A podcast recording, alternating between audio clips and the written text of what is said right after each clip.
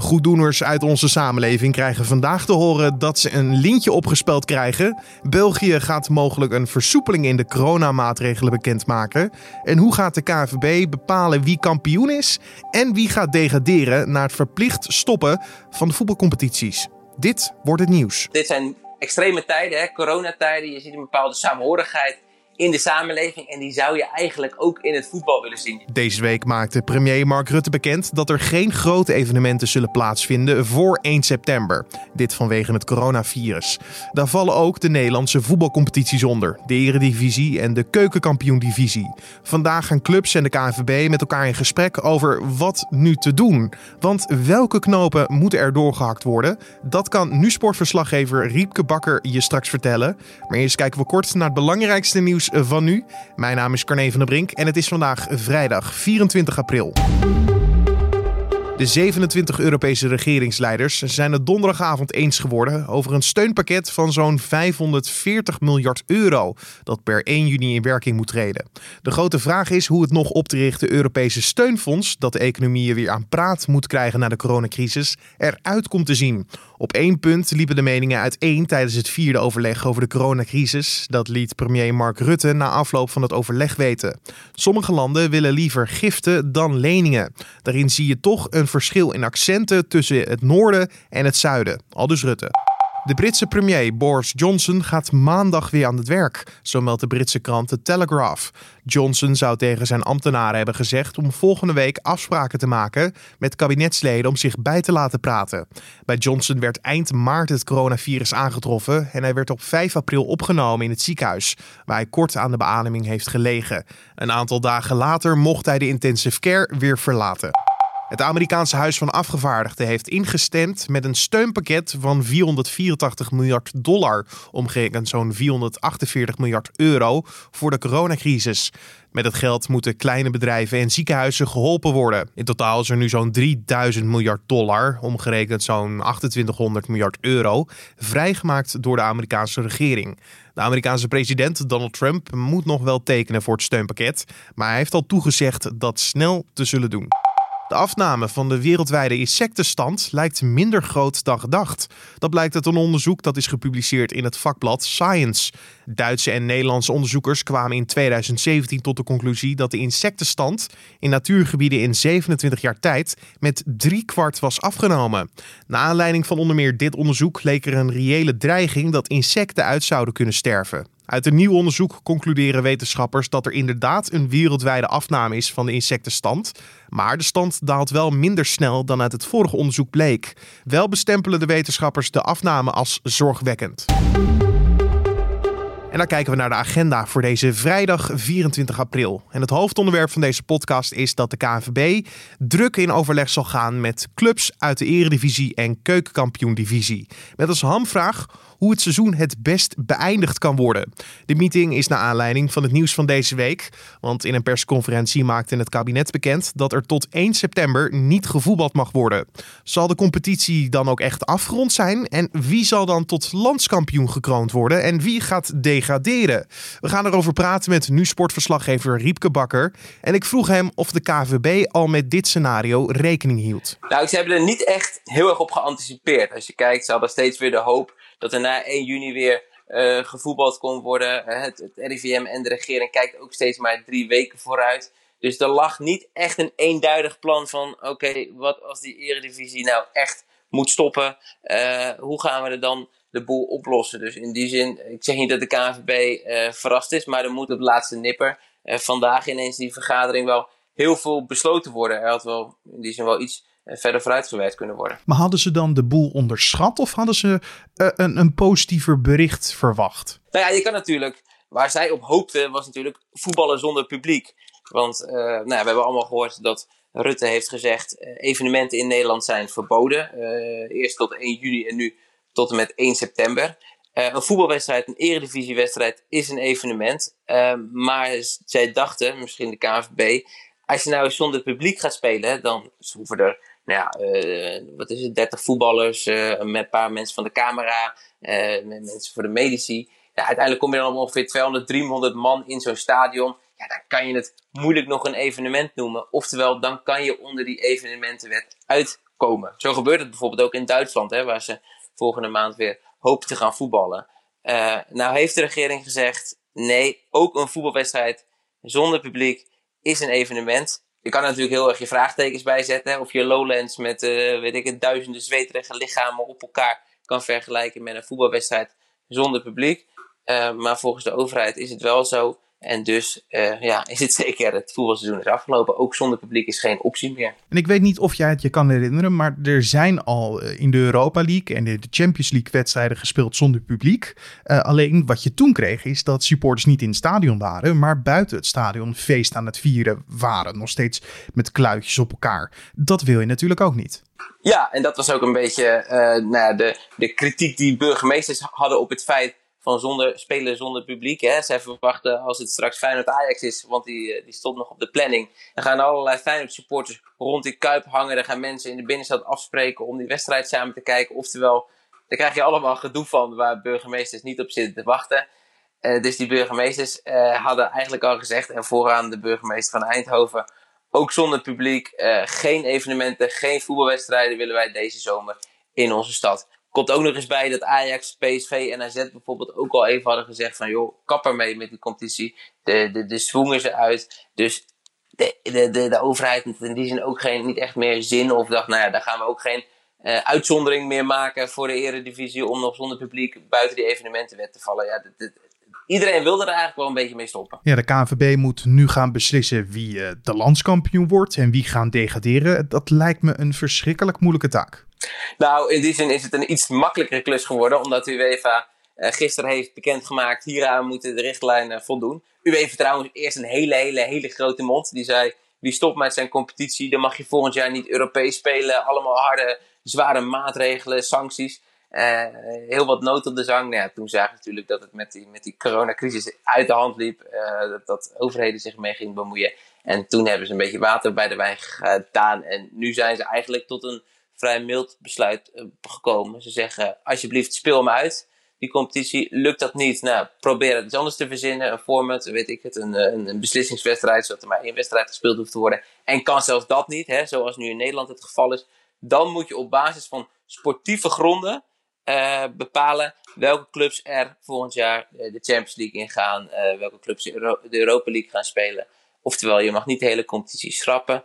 Uh, je moet gewoon eigenlijk de stand zoals die nu is, moet je als leidraad nemen bij het verdelen van uh, de Champions League plaatsen, bij het verdelen van de Europa League plaatsen. En als we naar de huidige stand kijken, dan zien we dat Ajax op 1 staat en op 2 eh, met een klein verschil, alleen doelsaldo, staat AZ.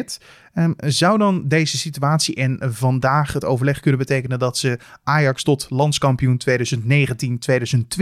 uit gaan roepen? Ja, ja, dat, dat, dat zou heel goed kunnen. Want uh, nou ja, het museumplein uh, stroma vol zou ik zeggen. Maar dat kan niet vol stromen voor een huldiging. Maar er staat hierover wel één, één zinnetje eigenlijk in het reglement van de KVB. Want de KVB gaat nu dus zeggen, nou de competitie is afgelopen. We gaan de tussenstand, zoals die nu is, uh, als handlijn nemen voor de eindstand. Nou ja, dan staat Ajax bovenaan. En daarover zeggen ze, de club in de eredivisie die de meeste wedstrijdpunten heeft behaald, die is kampioen van de eredivisie En als die wedstrijdpunten gelijk zijn, dan is doelsaldo beslissend. Nou ja, Ajax heeft een beter doelsaldo.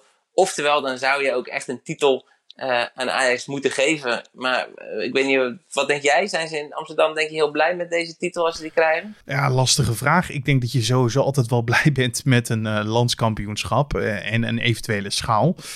maar één Ajax-speler was er eigenlijk heel erg uitgesproken over, hè? Ja, ik denk dat jij doelt op, op Lisandro Martinez van, van Ajax inderdaad in, in Argentijnse media. Ja, die zei, uh, die heeft eigenlijk niet zoveel zin om op deze manier kampioen te worden. Die zei, nou, laten we ons nou die beslissingswedstrijd spelen tegen AZ. Nou, we hebben dus nieuws voor Lisandro Martinez. Dat mag niet van premier Rutte. Uh, oftewel, uh, nou ja, Ajax kan worden aangewezen als kampioen. Maar ja, daar zal niemand echt blij mee zijn in, in, in Amsterdam. Dus het zou ook wel kunnen, misschien wel, dat de uh, Eredivisie CV, de KNVB, een uitzondering maakt. Die zegt, we hebben dit seizoen geen kampioen, maar Ajax is wel eerste. Dus Ajax krijgt wel het Champions League ticket en al het geld erbij, dat erbij hoort, krijgt dan Ajax. Maar een officiële kampioen, die is er niet. En als we dan helemaal naar onder gaan uh, in de stand, dan zien we twee clubs die onderaan staan: RKC Waalwijk en ADO Den Haag. Zou dan kunnen betekenen dat zij inderdaad een divisie lager moeten gaan spelen uh, in de keukenkampioen-divisie? Ja, dat zou heel goed kunnen. Het, het grappige is eigenlijk over die, die topplaatsen, die 1, 2, 3, 4, 5, 6, hè, die verdeling van die Europese ticket, Champions League, Europa League. Daar zegt uh, nu even heel duidelijke richtlijnen voor gemaakt. Hè, dat moet sportieve gronden, maar over die die daaronder, hè, de promotie-degradatie, dat gaat ook over, niet over Europees voetbal. Daar hebben ze eigenlijk niks over gezegd. Dus dat is helemaal aan de KVB. Nou, dan zou je zeggen, zo klaar is een klontje. RKC staat laatste met uh, eh, 11 punten achterstand op de nummer 16. En A, Den Haag heeft 7 punten achterstand. Uh, dus je zou zeggen, nou, die twee clubs moeten gewoon degraderen. En uh, dan gaan de twee ploegen bovenin, Cambuur en de Graafschap uit de eerste divisie, zijn ook heel ver voor, zou je zeggen. Die gaan promoveren. Dus dat is dan wel een ja, makkelijkere, makkelijkere oplossing, laat ik het zeggen, dan dat kampioenschap wat op doelzouden bepaald wordt. Alleen, um, ja, ik denk niet dat ze in Den Haag hier uh, heel erg uh, om staan te springen. En, en, en, hetzelfde geldt denk ik bij RKC Waalwijk. Ja, en ADO liet al doorschemeren dat ze niet heel blij zouden worden van dat plan, hè? Ja, ADO is de eerste club die uh, van zich heeft laten horen dat, nou ja, zij zeggen als er gedwongen degradatie komt, zo noemen ze dat, dan eh, is de kans eh, dan groot dat wij een rechtszaak beginnen. Ze hebben zelfs een advocaat in de arm genomen. Ja, dat soort ellende kun je dus uh, gaan krijgen. Hè. Ze beroepen zich dan op een paar punten van het programma wat we nog krijgen is nog makkelijk. En de afgelopen jaren hebben we altijd in de laatste maanden van het seizoen veel punten gepakt. Dus dat had nu ook gekund. Aan de andere kant gooien ze bij Cambuur en de Graafschap lekker de druk eraf als richting de KNVB door in de media te roepen. Wij gaan uit van promotie. Dus ja, dit wordt eigenlijk nog het alleringewikkeldste, het heetste hangijzer van de KNVB. En ook het, het, het, ja, het punt waar misschien uh, vandaag nog geen consensus over bereikt is. In die zin, uh, ADO en RKC, die kunnen dat gaan aanvechten. En dan krijg je rechtszaken. En dan zitten we in juni weer dit soort podcasts over te op te nemen over de eindstand van de, van de Eredivisie. Want dan zijn we er nog lang niet. Het, het zou kunnen eindigen als een soort vechtscheiding. Ja, nou ja, ja, ja dit als een heel langlopend uh, conflict.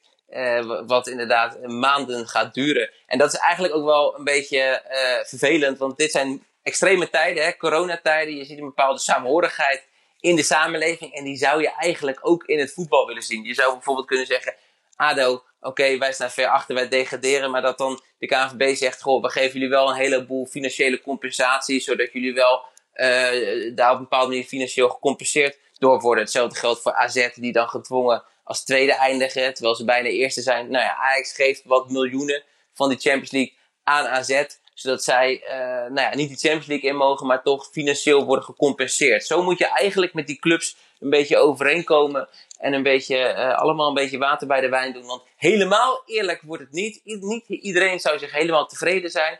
Maar we moeten het wel zo, zo eerlijk mogelijk maken, die eindstand. In voetbal is het natuurlijk ook entertainment, dus dat moet op de televisie uitgezonden worden. In Nederland wordt dat gedaan door uh, Fox Sports. Um, maar daar moeten ze natuurlijk ook geld voor betalen. Moeten ze dat geld uh, nog gaan betalen, ook al worden er geen wedstrijden meer uitgezonden? Of is, wordt dat bedrag kwijtgescholden? Nee, nou ja, in die zin kun je zeggen pluim voor Fox Sports. Want Fox Sports heeft gewoon gezegd, joh, ja, die laatste wedstrijden, die laatste speelrondes zijn nog aardig wat wedstrijden die kunnen wij niet uitzenden, maar wij betalen gewoon het geld. Dus uh, de Eredivisie clubs komen daardoor niet in de problemen. En je ziet eigenlijk bij die clubs wel dat ze dit allemaal wel kunnen leiden. Het zijn nog vier thuiswedstrijden, maar ja, seizoenskaarten zijn al verkocht. De sponsorinkomsten zijn al binnen. Dus het kost de clubs ook niet zo heel veel om dit seizoen niet af te maken. Het gaat echt om, om horeca en om catering, wat ze nog een beetje mislopen na een paar misschien een paar tienduizenden eurotjes. En dat kunnen ze op zich wel leiden. En daarom uh, ja, is er wel redelijk wat consensus over. Uh, nou ja, we stoppen er met z'n allen mee. En kan iedereen daarmee leven dat we stoppen? Alleen hoe en wie er eerste wordt en wie de vijfde wordt en wie er degradeert dat is een iets moeilijkere puzzel. Dat was nu sportverslaggever eh, Riepke Bakker. En dan kijken we nog even wat er verder op de agenda voor vandaag staat. Vandaag vindt de jaarlijkse lintjesregen weer plaats. Een onbekend aantal mensen zal de koninklijke onderscheiding ontvangen. Maar vanwege de coronamaatregelen krijgen de gedecoreerden alleen een telefoontje van de burgemeester van de plaats waar ze wonen. De onderscheiding zelf ontvangen ze op een later moment. In België neemt het Nationale Veiligheidsberaad vandaag een besluit over het versoepelen van de coronamaatregelen. Premier Sophie Wilmes heeft al laten doorschemeren dat er een stappenplan is voor de afbouw van de lockdown. En net als in Nederland niet alles in één keer wordt versoepeld. De prioriteit zal altijd naar de gezondheid van de burgers gaan. Daarvan zal afhangen of we naar de volgende fase gaan. Al dus de premier. En de Wereldgezondheidsorganisatie lanceert vandaag een plan waarbij landen over de hele wereld samenwerken aan geneesmiddelen, test en vaccins tegen het COVID-19-virus. De organisatie hoopt daardoor dat alle informatie en technologie toegankelijk is voor iedereen die dat wereldwijd nodig heeft. En dan het weer. Het is vandaag iets koeler dan de afgelopen dagen. Op de Waddeneilanden is de gemiddelde temperatuur 12 graden. En in Limburg kan de temperatuur oplopen tot 22 graden. Op deze vrijdag hangt er ook wat sluierbewolking hoog in de lucht. Maar toch laat de zon zich veel zien. In de middag kunnen er aan de noordelijke kust wat wolkenvelden over het land trekken. Maar het blijft de hele dag droog. En om af te sluiten nog even dit.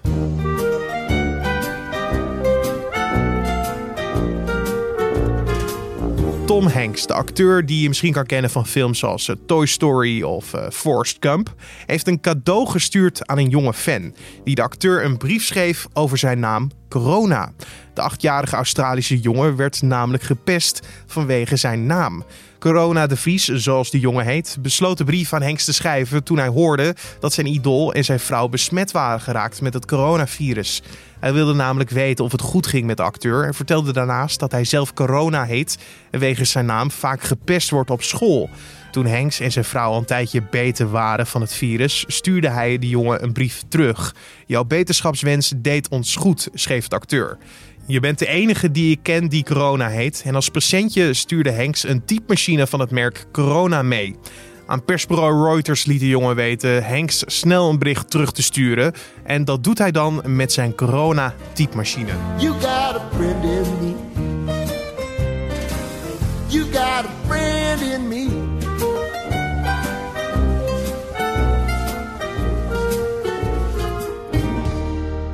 En dit was dan de Dit Wordt Het Nieuws podcast voor deze vrijdagochtend 24 april. We zijn vandaag weer terug met de Week van Nu podcast, onze speciale weekafsluiter. Uh, verhalen van de redactie, wat heeft er bij ons gespeeld en welke afwegingen zijn er gemaakt voor het nieuws wat jij hebt gelezen, gehoord of hebt gezien. Um, dat hoor je allemaal vanmiddag op de voorpagina van nu.nl of in je favoriete podcast app, zoals Spotify of Apple Podcast. En dan nog even een huishoudelijke mededeling, want aankomende maand is het Woningsdag of Koningsdag. En dan zal er geen normale podcast van nu.nl zijn. Dan zullen we namelijk een special uitzenden over hoe het Koningshuis zich ruilt en zelt tijdens de coronacrisis. Dat hoor je maandag en vanmiddag dus de Week van Nu podcast. Genoeg dus om naar te luisteren. Mijn naam is Carne van de Brink. Een hele fijne dag, een mooi weekend en wij spreken elkaar snel weer. Tot dan.